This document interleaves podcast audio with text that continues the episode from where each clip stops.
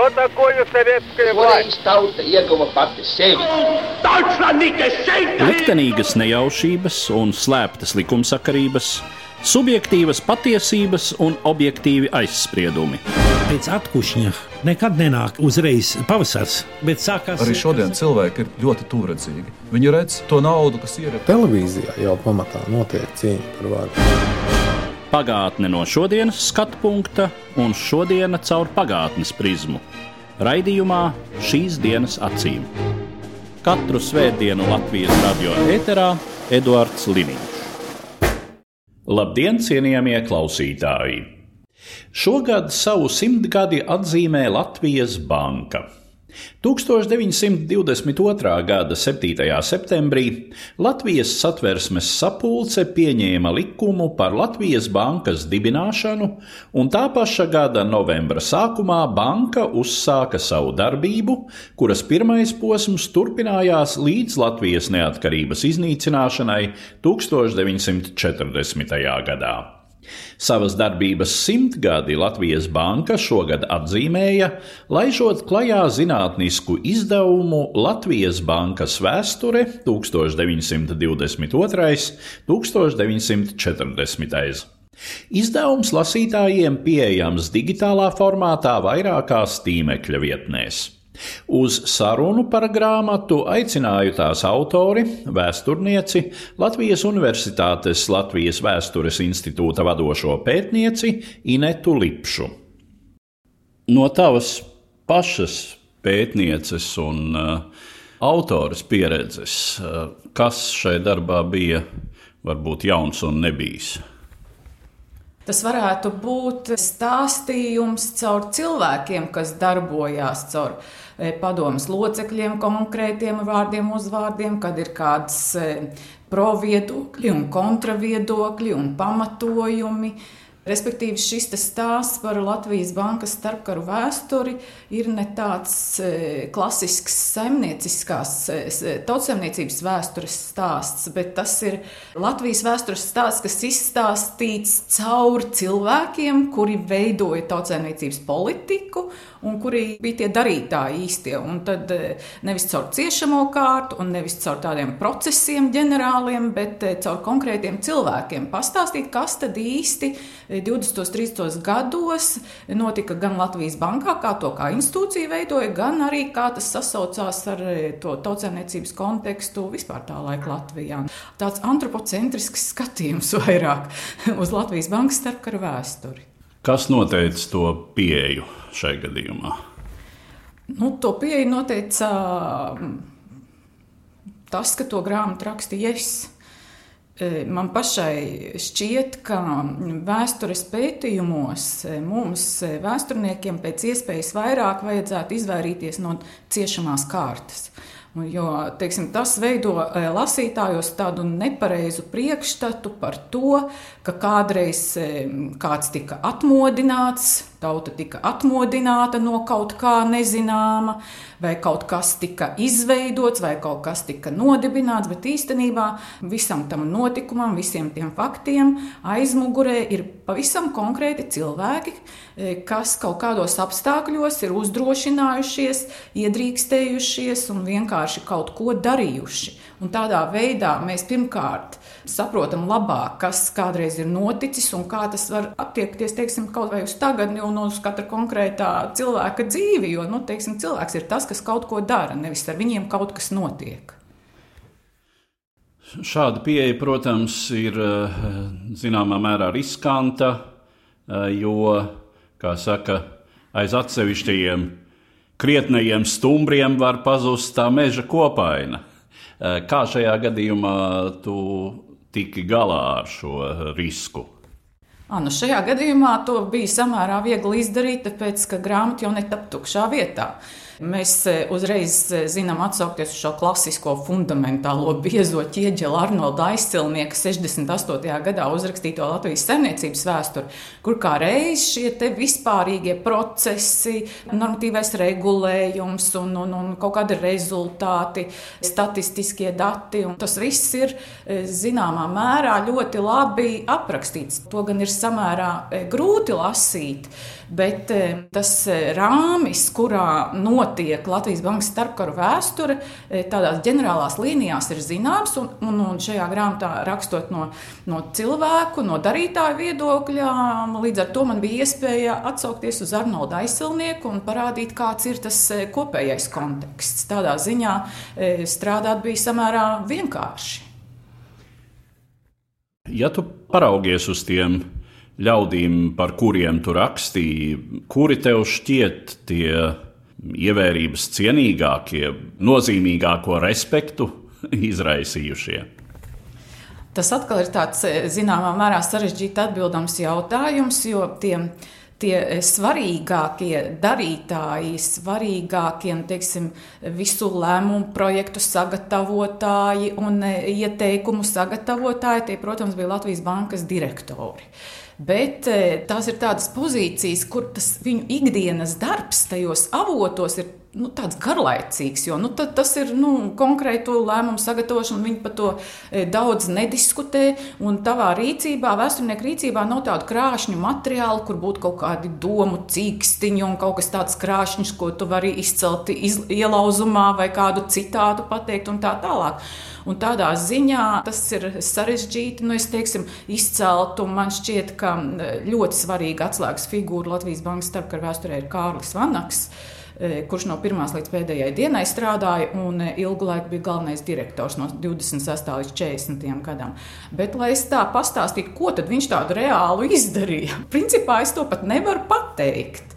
Bet, e, nu, tāpēc es mēģināju arī stāstīt šo bankas vēsturi arī caur viņu biogrāfijām, kas kaut kādā veidā mazliet kā kontekstualizē un, un ļauj detaļās iejusties un varbūt pat sa turpat lasītājiem sava iztēle ir bišķiņa jāpieliek. Jo tas ir tas vienkāršais ikdienas darbs, kurš parasti pārsvarā paliek aiz borta, ko mēs nevaram parādīt.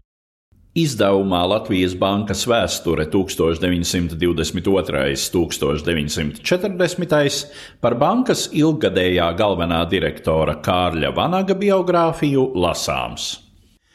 Ar 1926. gada 22. septembra lēmumu Kārlis Vanaks kļuva par Latvijas bankas galveno direktoru un strādāja šajā amatā līdz 1940. gada 13. jūlijam. Žurnāls Tirgotājs, vērtējot Kārļa Vanaga piecu darbības gadu nozīmi Latvijas finanšu nozarē, nosauca viņu par pirmo un vecāko finanšu darbinieku Latvijas finanšu sistēmā un rezumēja, ka Vanaks, citējot, pazīstams kā krietnis un čaklis darbinieks, kurš vienmēr ar lielāko prieku un sirsnību nododas savam darbam.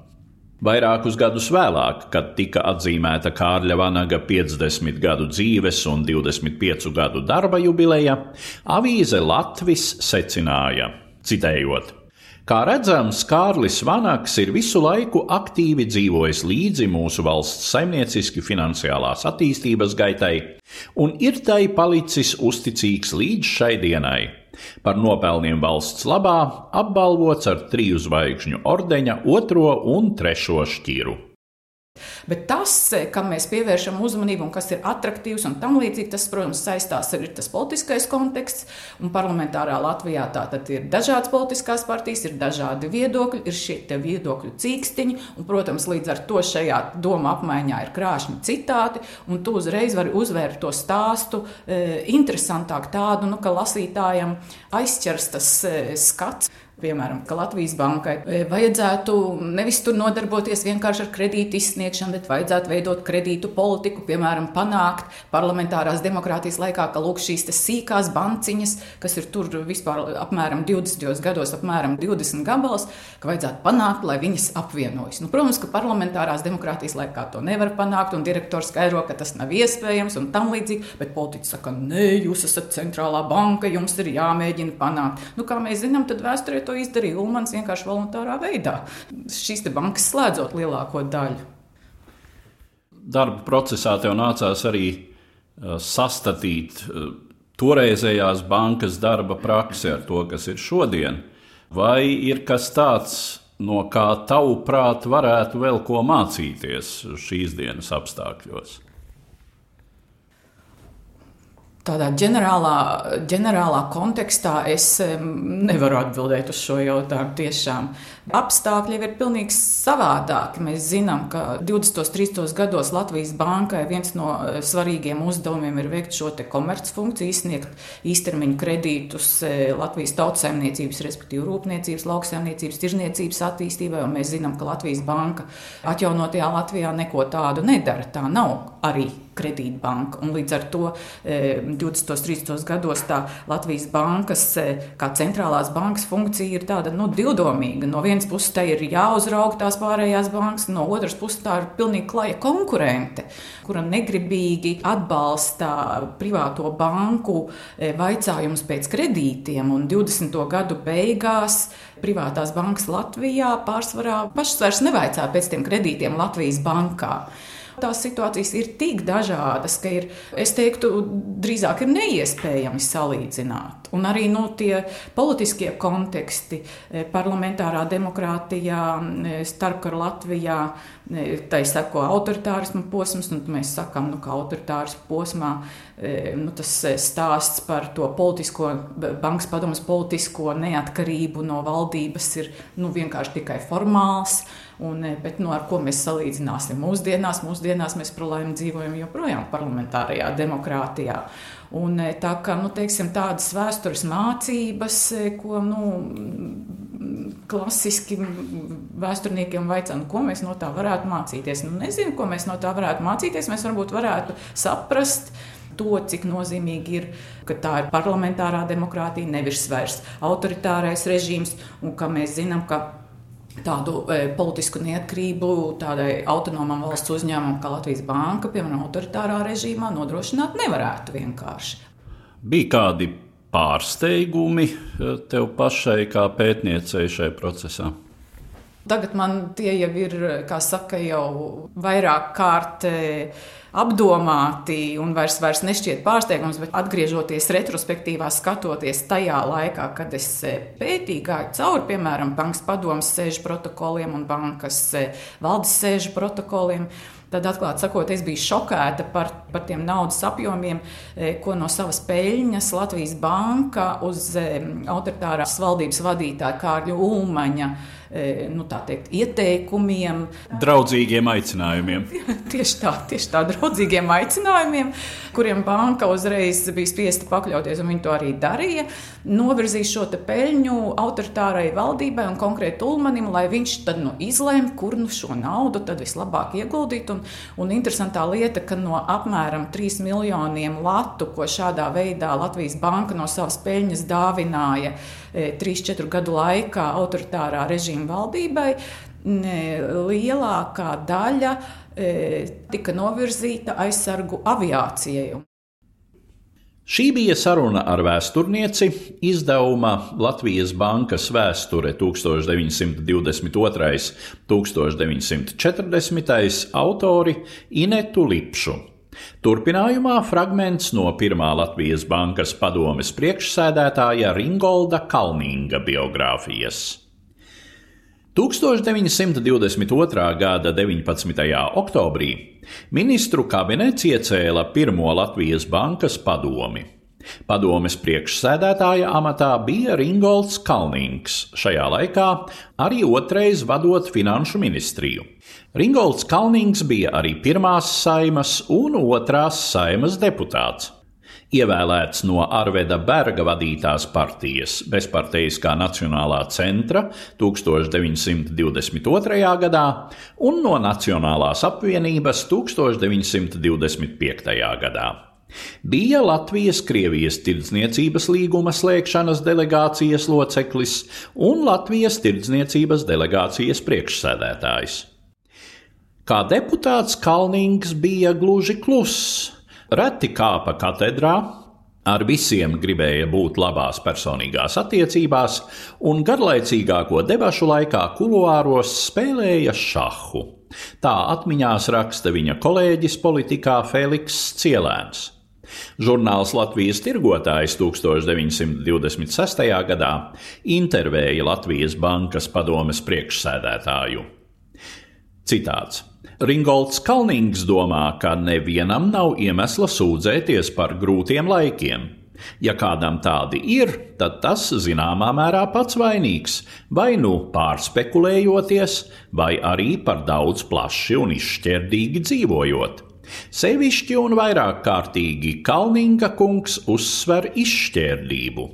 Sarunājoties ar žurnālistu, Kalnings staigājis pa kabinetu enerģiskiem soļiem, apstājoties apdomājies un izteicis savas domas, precīzi formulētas. Nekādas receptes nevienam, katram pašam jāzina, kā viņam jādzīvo. Un lūk, kā Latvijas bankas darbību starpkaru periodā, savulaik raidījumā Nauda laiku lokos, raksturoja vēsturnieki, Latvijas Nacionālā vēstures muzeja pētniece Kristīne Ducmane un Latvijas Nacionālās bibliotēkas Letonikas un Baltijas centra direktora vietnieks Mārtiņš Mintaurs. Latvijas valsts naudai bija divi saimnieki Tas ir Latvijas banka un finanšu ministrija.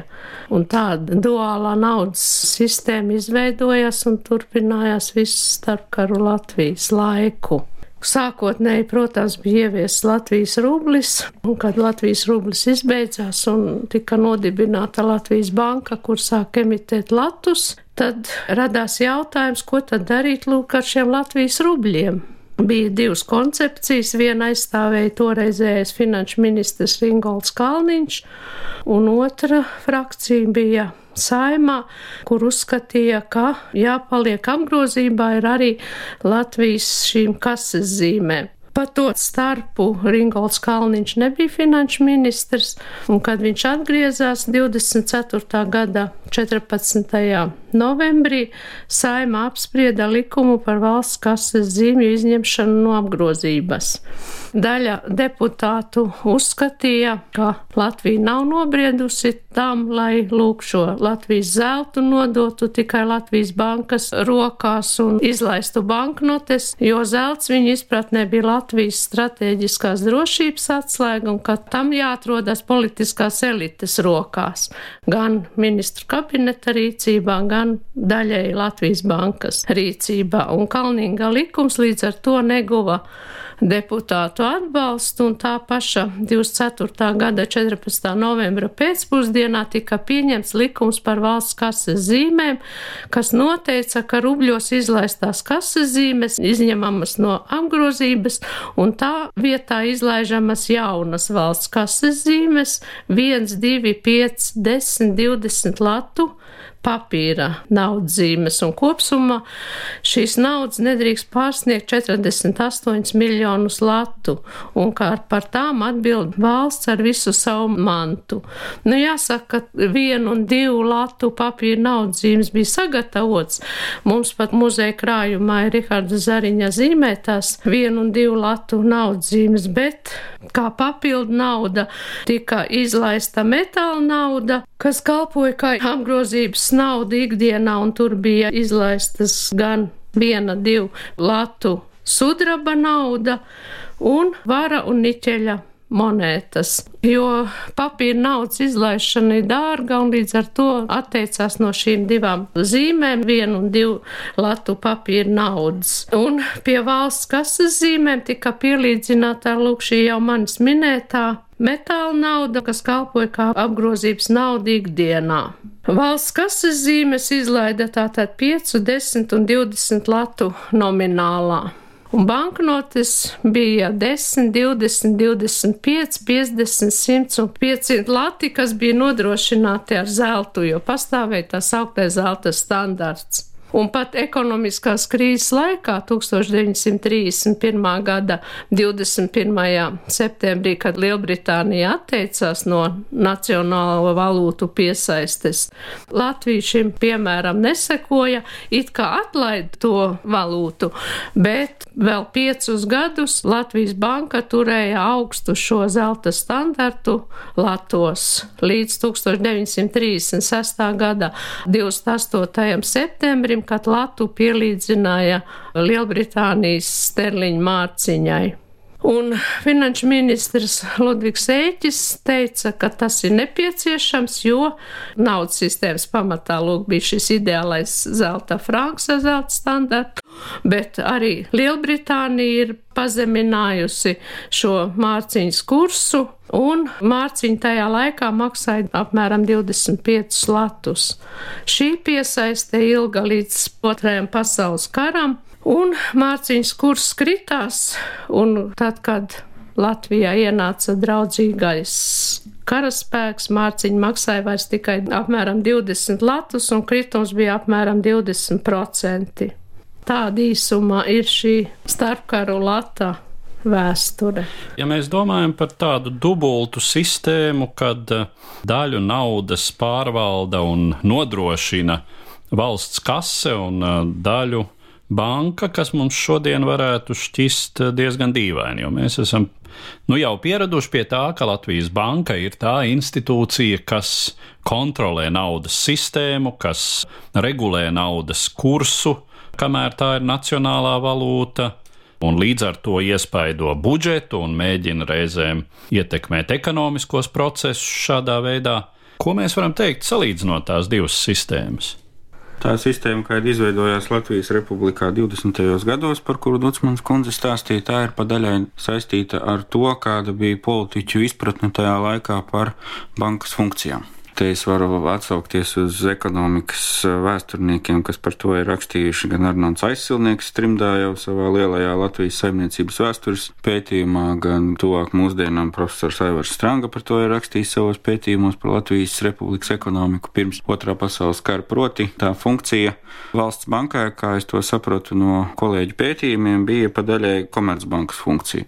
Līdz ar to mūsdienās Latvijas banka līdz eiro ieviešanai nodarbojās faktiski tikai ar nacionālās valūtas emisiju, un bankas funkcija nebija pelnīta. Bet 20. gadu sākumā, kad tika veidota valsts finanšu sistēma, tad pa daļai tika pārņemts tas modelis, kāds bija spēkā Krievijas impērijā, kad valsts bankai bija arī daļēji komercbankas funkcijas. Un tāpēc izveidojās šī duālā sistēma, kuru droši vien kā ikdienā iedzīvotāji savos maciņos nejūta, jo valsts naudas zīmes bija nodrošināts ar valsts īpašumu esošo mantu, un ne ar ko neatšķirtos Latvijas bankas izdotās naudas zīmes, tad, ja bankai nebūtu papildus šīs komercbankas funkcijas. Bet jāatceras, ka tajā laikā ekonomika darbojās pēc nedaudz citiem principiem, un daudz lielāka nozīme bija nacionālo valstu finansu politikai. Un, ja šodien par naudu atbild attiecīgā valsts banka un finansu ministrija, tā kas pamatā nodarbojas ar nodokļu iekasēšanu un naudas plūsmas apkalpošanu valsts ietvaros, tad, protams, ka 20. un 30. gadu situācija ir citi starptautiskās tirzniecības principi, kad eksistē muitas barjeras, kad eksistē protekcionisms, kas arī lielās ekonomiskās krīzes laikā tiek izmantots kā mehānisms, kā iespēja aizsargāt vietējo ražotāju, vai tie būtu lauksaimnieki, vai tā būtu industrija, rūpnieciskie ražotāji. Tā situācija, kādā atradās Latvijas Republikas Finanšu ministrija un arī Latvijas valsts banka pirms otrā pasaules kara, bija atšķirīga no tās starptautiskās ekonomikas, kā tā darbojas šodien. Un tāpēc bija arī tā laika sistēmā, es nevaru pateikt, cik tas bija izplatīts, cik vēl citās valstīs bija šī dubultā sistēma, kad par nacionālo valūtu atbildēja gan valsts banka, gan finanses ministrija, bet acīm redzot, bija tālāk izvēle, lai varētu valsts elastīgāk reaģēt uz to, kas notiek starptautiskajā tirgu. Biržas kursa svārstībām, gan regulējot arī skābekļa padevu rūpniecībai, ražošanai vispār, mēģinot tādā veidā tikt ārā no iespējamām finanšu krīzēm vai no pārprodukcijas krīzēm, kas tajā laikā bija izplatītas. Jo bija populāra tā ekonomikas ciklu teorija, kas lielā mērā ir arī attaisnojusies, ka kapitālisma sistēmā, protams, ekonomika attīstās cikliski un līdz ar to uzplaukumam seko ekonomiskā pazeminājuma periodi, kritumi vai krīzes, un pēc tam tas cikls atjaunojas vēlreiz. Tāpēc, lai valsts varētu elastīgāk reaģēt uz šādiem cikliem, kurus uzskatīja par neizbēgamu parādību ekonomikā, tad arī šāda metode droši vien tika izvēlēta. Šis bija fragments no sarunas ar vēsturniekiem Kristīnu Dutsmani un Mārtiņu Mintauru. Turpinājumā fragments no starpkaru perioda Latvijas Bankas padomes priekšsēdētāja politiķa Ādolfa Klīves biogrāfijas. Atmiņās Adolfs Klīve raksta, ka 1922. gadā ministru prezidentam Zigfrīdam Annam Meijerovicam lemjot par Latvijas bankas pirmās padomes sastāvu, viņš tieši Meijerovica uzstājības dēļ pieņēmis priekšsēdētāja vietnieka amatu. Ja es neuzņemtos, Padomes priekšsēža vieta būtu jādod sociāldemokrātam, bet tas nebūtu labākais atrisinājums. Sevišķi attiecībā uz latviešu elementa stiprināšanu rūpniecībā un tirdzniecībā. Būtu arī principā nepareizi atstāt centrālbankas vadību bez lielākās pilsoniskās partijas pārstāvja. Ka Kalnings ar savām krievu kupča manierēm nevar būt labs Latvijas bankas pārstāvis starptautiskā fórumā, to jau viņš pierādījis. Ja es neuzņemoties vicepriekšsēža posteni, lai pēc Kalninga nāktu tad par priekšsēdi, tā esot kļūda, un viņš bez frakcijas piekrišanas ar to nesamierināšoties.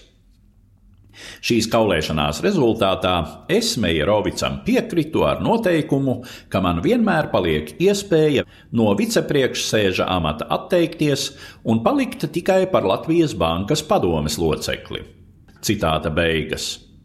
Būdams Latvijas Bankas padomes priekšsēdētāja vietnieks, Adolfs Klīve aktīvi iesaistījās Latvijas politikā kā otrais populārākais pēc Kārļa Ulmaņa Latviešu zemnieku savienības līderis. Viņš bija deputāts trijās saimās, pirmajā, otrajā un trešajā, darbojās ārlietu komisijas vadībā, rakstīja un publicēja darbus par Latvijas politiku un tautsaimniecību. Klīvi kā enerģisku politiķi ir aprakstījis politiķis Fēliks Cielēns epizodē par Kārļa Ulmaņa un Marģera Skujenieka cīkstēšanos par iespēju veidot jauno valdību 1926. gadā. Citāts. 17. decembra vakarā Saimas lielajā kuluāru zālē norisinājās augstsprieguma aktivitāte. Garanās, mazliet krēslainās zāles vakaru galā, lielā degošā kamīna siltuma un gaismas apstrāvoti, pie garā galda savu galveno štābu bija noenkurojuši Ulmanis un Klīve. Tur viņi vervēja vairākumu savai valdībai. Kāds jaunāks zemnieku savienības deputāts pieveda līderiem kādus citus deputātus, ar kuriem Ulmanis un Klīves svarīgi paklusus sarunājās. Ulmanis kā parasti vilka seju joviālos pantos, šoreiz gan lai maskētu bažas par draudīgo stāvokli. Klīve nopietni raizīgs, it kā no viņa pūlēm atkarātos ne tikai Uniona un Zemnieku banku liktenis, bet Latvijas valsts pastāvēšana. Līdz ar to izskan raidījums, kas bija veltīts Latvijas bankas simtgadēji, un šai sakarā klajā nākušajam izdevumam Latvijas bankas vēsture 1922. un 1940. Raidījumā dzirdējāt izdevuma autori, vēsturnieci, Latvijas Universitātes Latvijas Vēstures institūta vadošo pētnieci Inetu Lipšu, kā arī vēsturniekus Latvijas Nacionālā vēstures muzeja pētnieci Kristīni Ducmani un Latvijas Nacionālās bibliotēkas Letonikas un Baltijas centra direktora vietnieku Mārtiņu Mintauru. Uzredzēšanos cienījamie klausītāji! Katru svētdienu Latvijas radio viens par pagātni sarunājas Eduards Liniņš.